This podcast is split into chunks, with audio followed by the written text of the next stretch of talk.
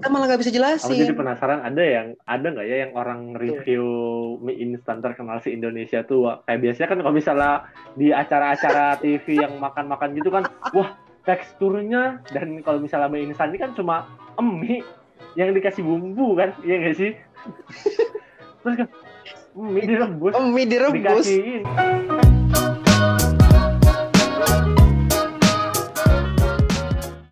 Oke, halo teman-teman marching band di mana pun yang sedang mendengarkan. Selamat datang di Marching Podcast. Yeay. Hari ini aku nggak loh. Ya? Kan kemarin aku cerita tuh ada tim podcast berlima. Nah hari ini aku ditemenin sama Aji. Kamu kenalan dulu kali Ji. Oh iya. Halo, aku Aji. Aku dari Martin dan Universitas Gajah Mada. Kalau buat asal bandnya sih sama ya, sama siapa nih nyebutnya Mas Firza atau Kak Firza? Kak? Firza. Kalau di Kalimantan manggilnya Kak. Kalau di sini di Jogja ini kan manggilnya Mas. Panggil Kak aja. Uh, kita sebut aja Mas Kak aja. Mungkin yang lebih umum Kak aja ya, Kak Firza ya. Aku berasal dari band yang sama sama Kak Firza di marching band kita Bahana atau lebih dikenal dengan marching band SMP 1 Balikpapan. Kayak kemarin yang aku bilang di episode pembuka, karena aku ada bilang dari tim podcast kita bakal ganti-gantian atau ada host co-host gitu kan. Nah jadi hari ini aku bareng sama Aji nih di episode ini. Tapi eh, hari ini nggak pakai guest-guestan, nggak pakai tamu. Hari ini kita pengen ngobrol berdua aja di episode hari ini. Ngobrol apa tuh?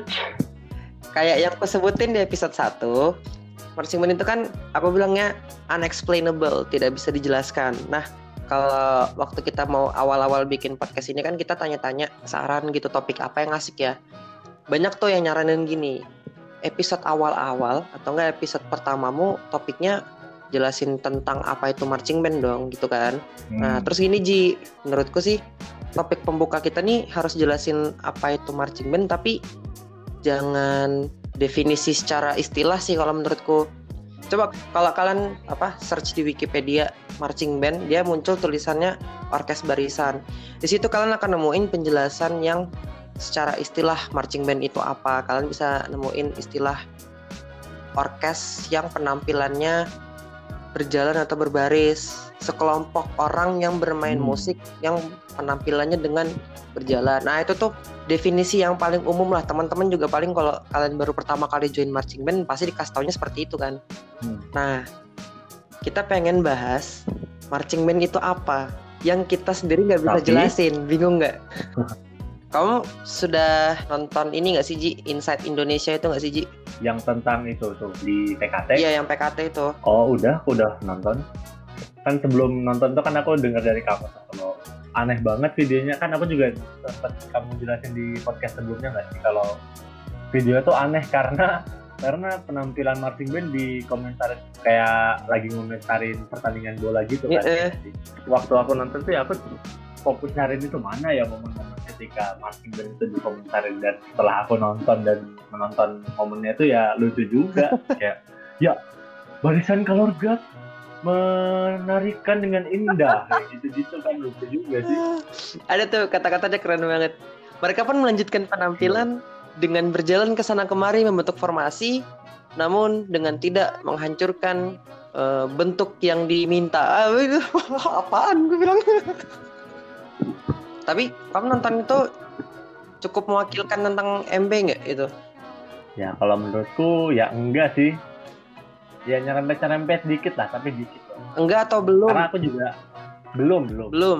Soalnya aku juga di ada di pihak yang setuju sama pendapatmu kalau misalnya marching band itu eh, sulit banget buat dijelasin dan emang nggak butuh buat satu video berdurasi berapa menit tuh cuma satu video untuk menjelaskan kegiatan marching secara keseluruhan ya itu sih Karena kok di episode sebelumnya kan ngomong ya, MB itu kan unexplainable, nggak bisa dijelaskan. Sulit sih, lebih tepatnya sulit dijelaskan, ya kan?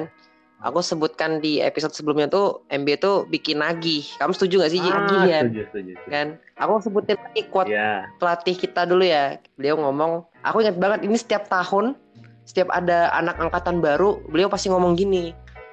Yang ikut marching band itu tuh orang gila. Kan? Siapa Hmm. yang mau rela-rela tiap hari dijemur, terus panas-panasan, panas-panasan dimarah-marahin pula aduh tiap hari pula kan orang waras mana yang mau gitu. Tuh aku inget banget itu akan selalu aku ingat di kepala aku tuh.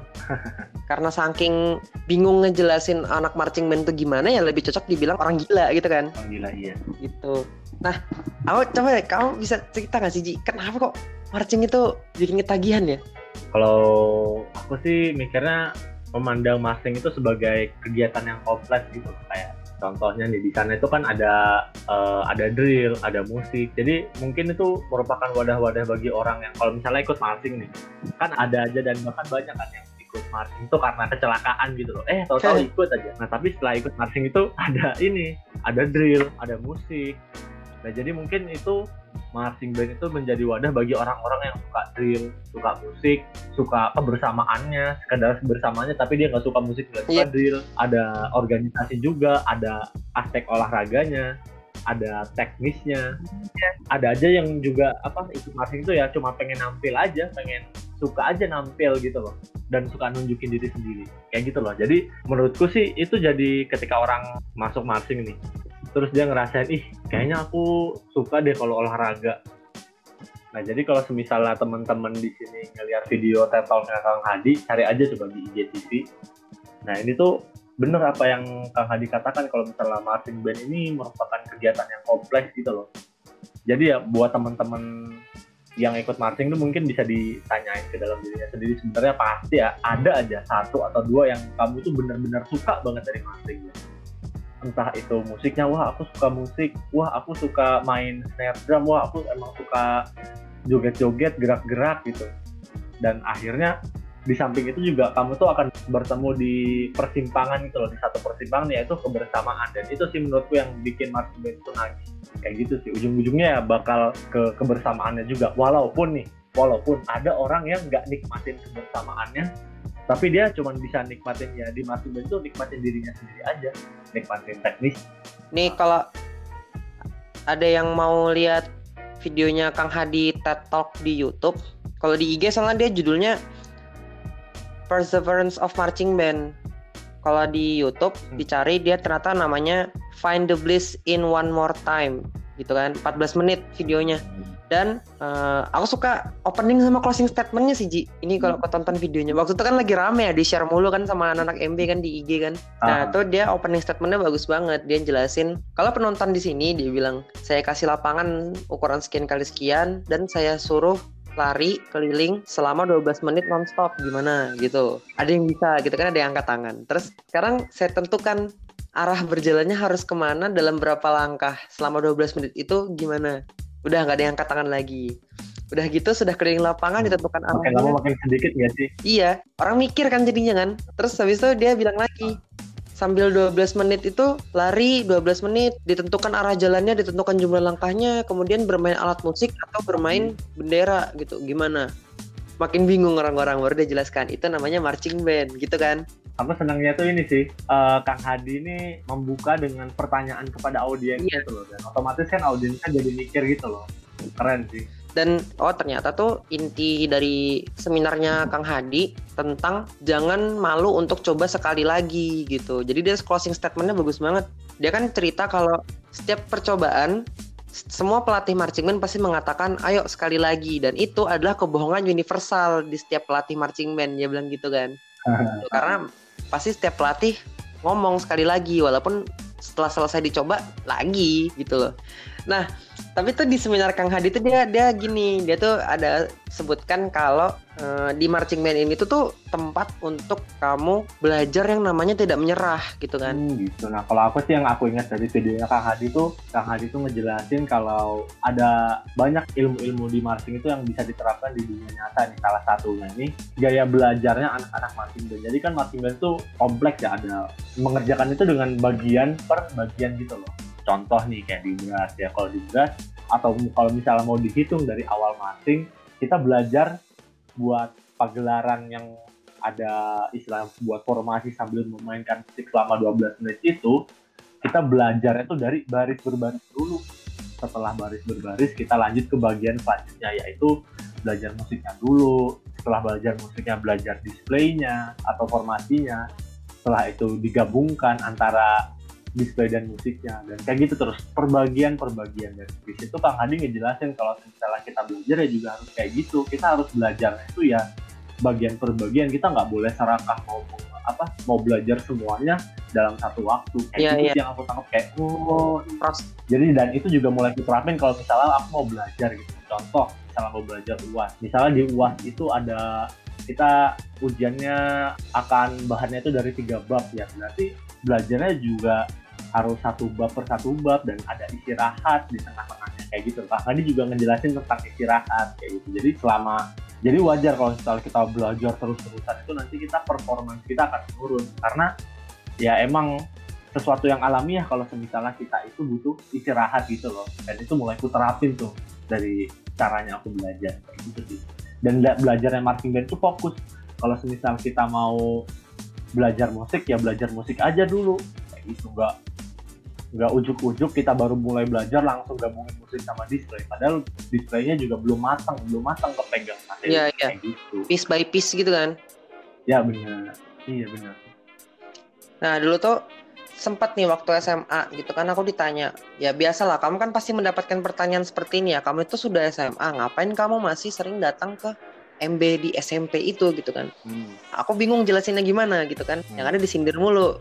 Tapi tuh aku sempat jelasin gini ke temanku di SMA Eh, aku nggak tahu gimana tapi setiap kali aku kembali ke MB aku itu ngerasa kayak aku menjadi diriku yang asli dan teman-temanku adalah diri-dirinya yang asli gitu loh. Aku ngerasanya seperti itu gitu kan. Entah kenapa ya maksudnya begitu aku ke kelas itu aku juga di kelas bisa menjadi diriku yang asli tapi tetap ada bagiku pribadi tuh ada ekspresi yang agak aku tahan dikit kalau aku di kelas atau sama teman-teman kelas gitu loh. Gini eh, teman-temanku di kelas itu tuh kok kayak nggak ngerti aku gitu loh. Di di MB Ya, itu tuh ada. ngerti-ngerti aja gitu. Aku sudah gede SMA masih suka nonton Power Ranger. Ya di kelas diolok-olokin di MB tuh ya kayak oh kamu suka Power Ranger? Ya udah gitu kan. Ada kayak gitu ya Pak. tapi kalau aku perhatiin ya emang sih gitu. Somehow kamu bisa berekspresi lebih asli Hmm. aku sih gitu nggak tahu kalau kamu Ji iya nggak sih ya bahkan ini ya kalau aku lihat dari kamu kan emang suka Power Ranger sama apa sih tokusatsu tokusatsu itu nggak sih dan bahkan kamu nemuin temen yang punya interest yang sama Iya. itu di marching gitu loh iya nggak sih Iya. Anime gitu kan ketemunya di marching lah gitu Ah, interest dan kalau misalnya kita bawa itu ke ruang umum misalnya ke kelas-kelas gitu ya ke teman-teman kelas itu malah banget apa sih aneh banget tuh jadi orang kayak gitu loh kalau ngeliat sesuatu yang berbeda. Dan uniknya teman-teman marching ini udah jelas berbeda gitu loh dan kalau misalnya ada perbedaan ya oke oke aja. Oh kamu itu suka Iya. ini.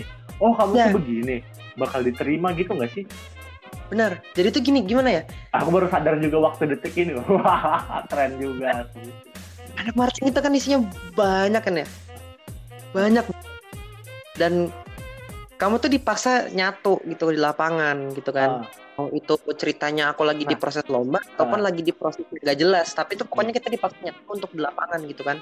Hmm. somehow tuh dalam lapangan itu tuh perbedaan itu tuh menyatu gitu kan ya Gitu. kayak gini ya apa kita di marching band itu kan diajarin buat apa menyatu gitu bersama-sama. Satu kepala.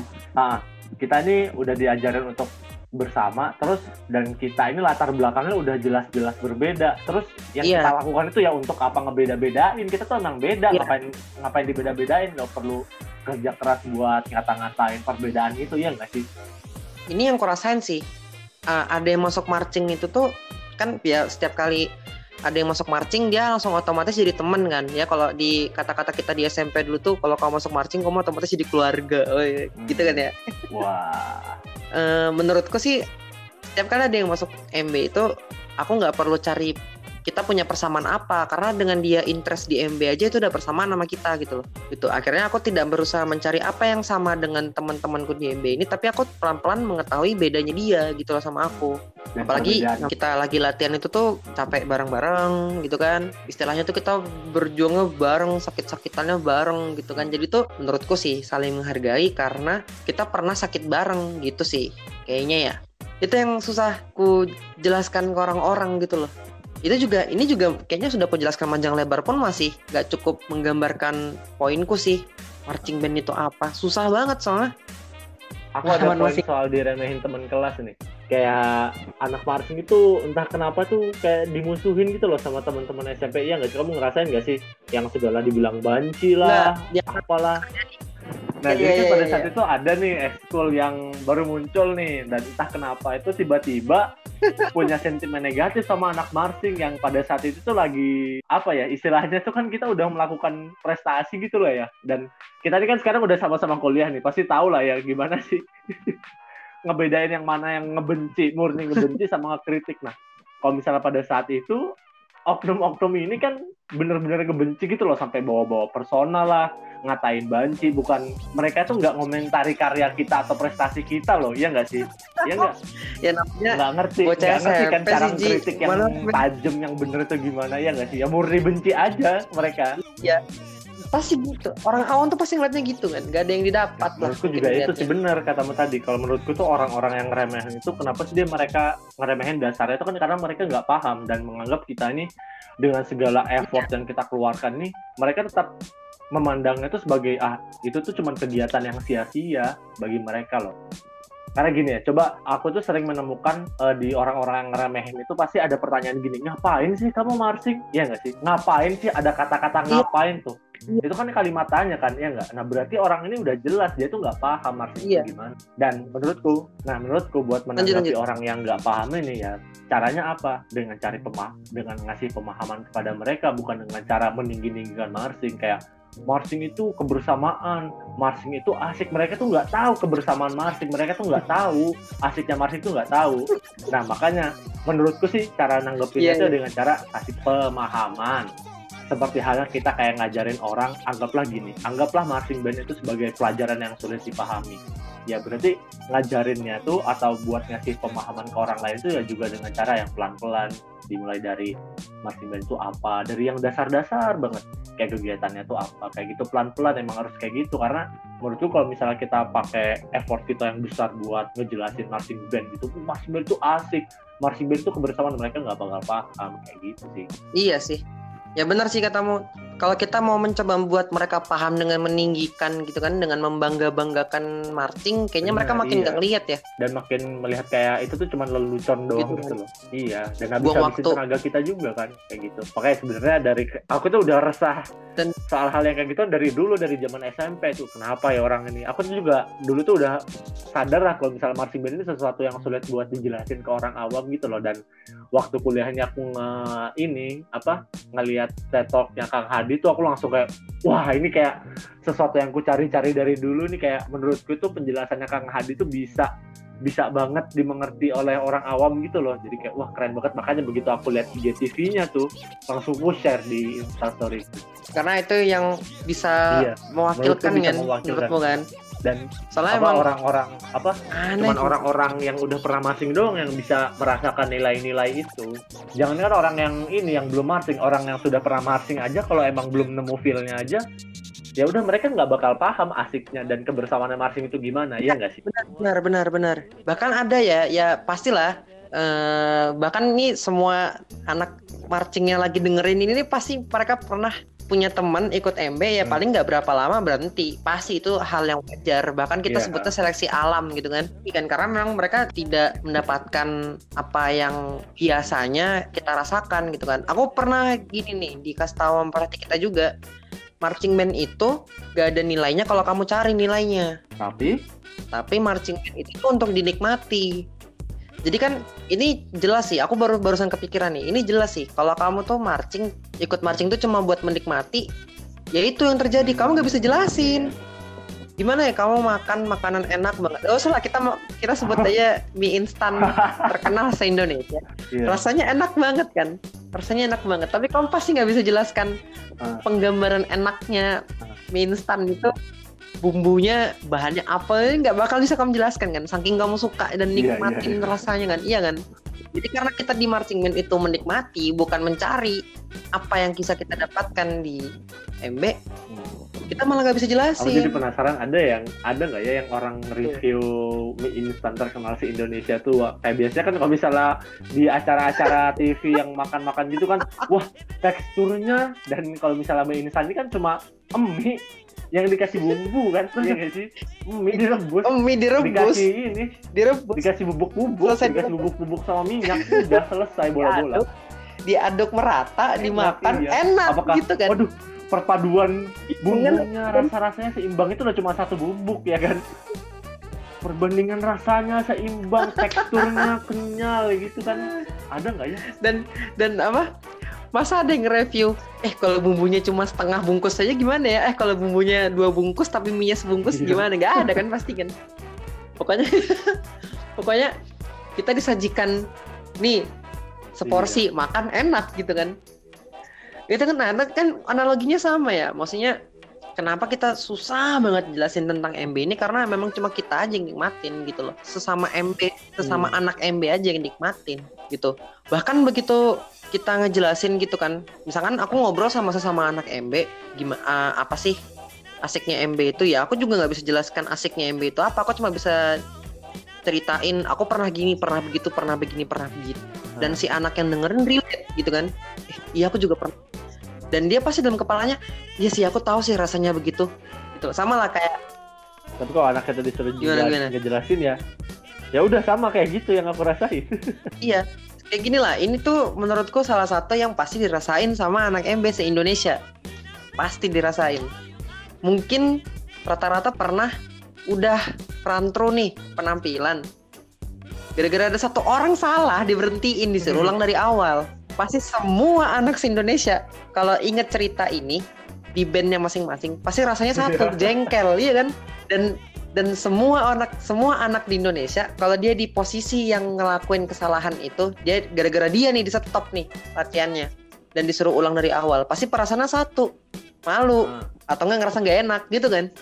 Siapa sih anak waras mana yang dia ngelakuin kesalahan pas lagi rantro di stop disuruh ulang dari Oh. awal dan dia malah ha diulang ya, oh asli nggak ditumbuk habis mungkin, kan? pulang latihan dia sama teman-temannya. Iya. Dan itu tuh gak usah lah Indonesia sih kalau aku bilang. Bahkan anak-anak di CI pun kalau mendengarkan cerita, Hmm. cerita ya, bukan penggambaran ya, cerita gitu. Dia pasti ingat, eh ngerasanya, "Ih, iya bener, aku Ah. tahu banget tuh rasanya tuh kayak gitu tuh, gitu kan. Kita menjelaskan gimana marching band itu tuh dengan cerita kita Nah, dan yang dengerin tuh relate. Tapi udah yang mengerti juga sesama anak MB, gitu kan. Gitulah ya ya itulah topiknya marching band itu apa. Tapi kayaknya sampai kita habis pun kita nggak akan bisa jelaskan marching band itu apa gitu loh. Kecuali kita menjelaskan dengan teknis. Ya gitulah saking susahnya MB itu dijelaskan, diekspresikan gitu ya.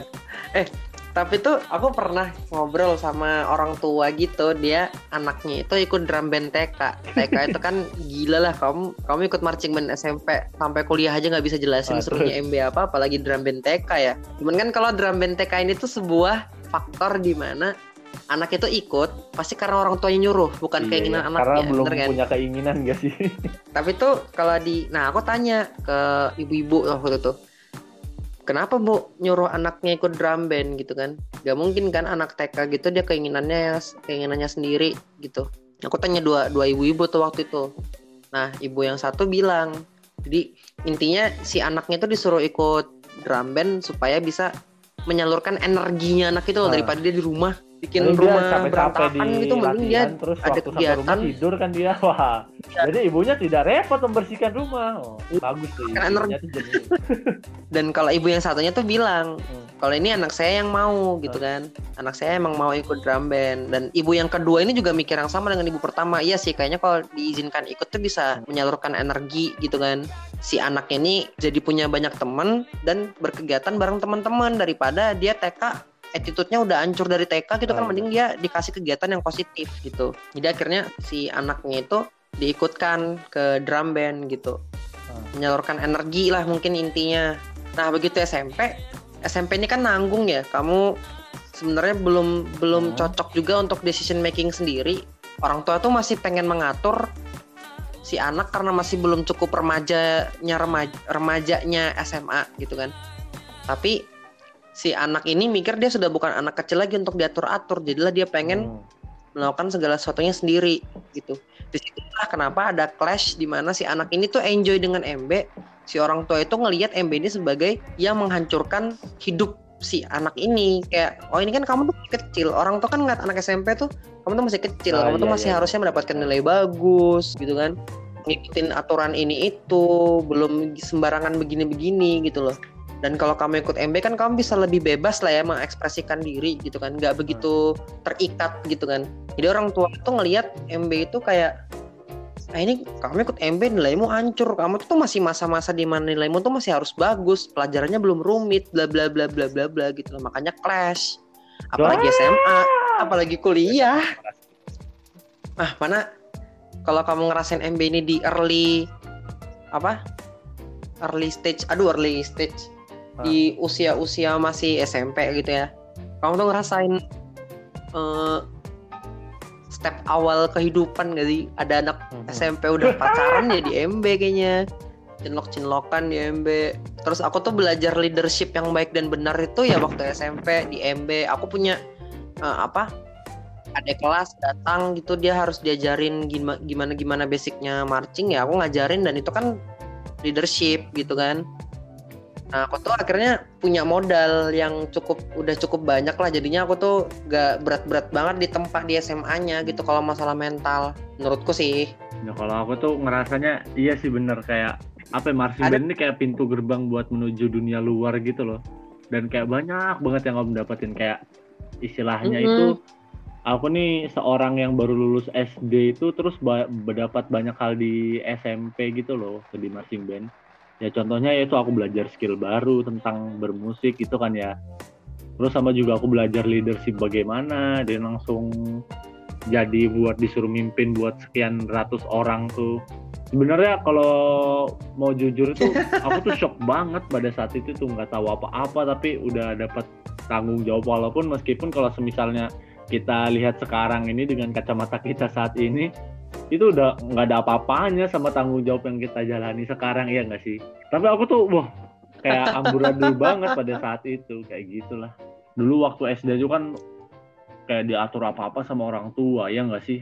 Kayak dunia kita tuh cuman apa ya nggak jauh-jauh dari ruang kelas. Uh -huh.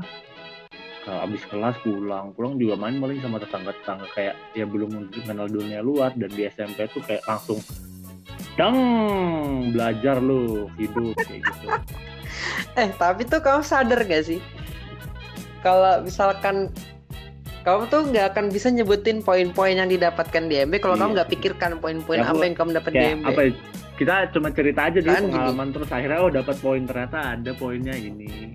Gitu kalau gitu. Kesimpulannya adalah marching band itu apa? Tidak bisa dijelaskan. mau kita bercerita panjang lebar tetap aja kita nggak bisa jelaskan marching band itu apa kecuali kamu search di Wikipedia kamu bisa dapat tuh marching band itu apa ya mungkin kalau dari aku sih itu aja sih yang bisa aku ceritain udah ini Ji Yoi. Jadi ya lah, oke lah. Ya udah. Jadi ya akhir-akhir kata semoga ini bisa menjadi informasi yang bermanfaat. Seperti biasa lah, kita berharapnya semoga yang dengerin ini Bener banget Cerita tuh, kita ini relate ya sama yang mendengarkan ya nggak Ji? Pak, kamu kamu grogi ya mau closing ya? Iya, I have no idea. Oke lah. Uh, terima kasih untuk yang mendengarkan. Nantikan episode-episode podcast kami yang selanjutnya. Terus mohon dukungan dan supportnya dan kami juga akan selalu terbuka dengan kritik dan saran dari teman-teman marching sekalian. Uh, semoga bisa teman-teman dengerin episode kita yang selanjutnya. Mungkin nanti aku sama teman-teman kohos yang lain ya, nggak sama Aji mulu di episode-episode selanjutnya. Uh, terima sampai kasih. Jumpa. Dan dan sampai jumpa. Ya, Udah kita gitu aja. Oke, terima kasih.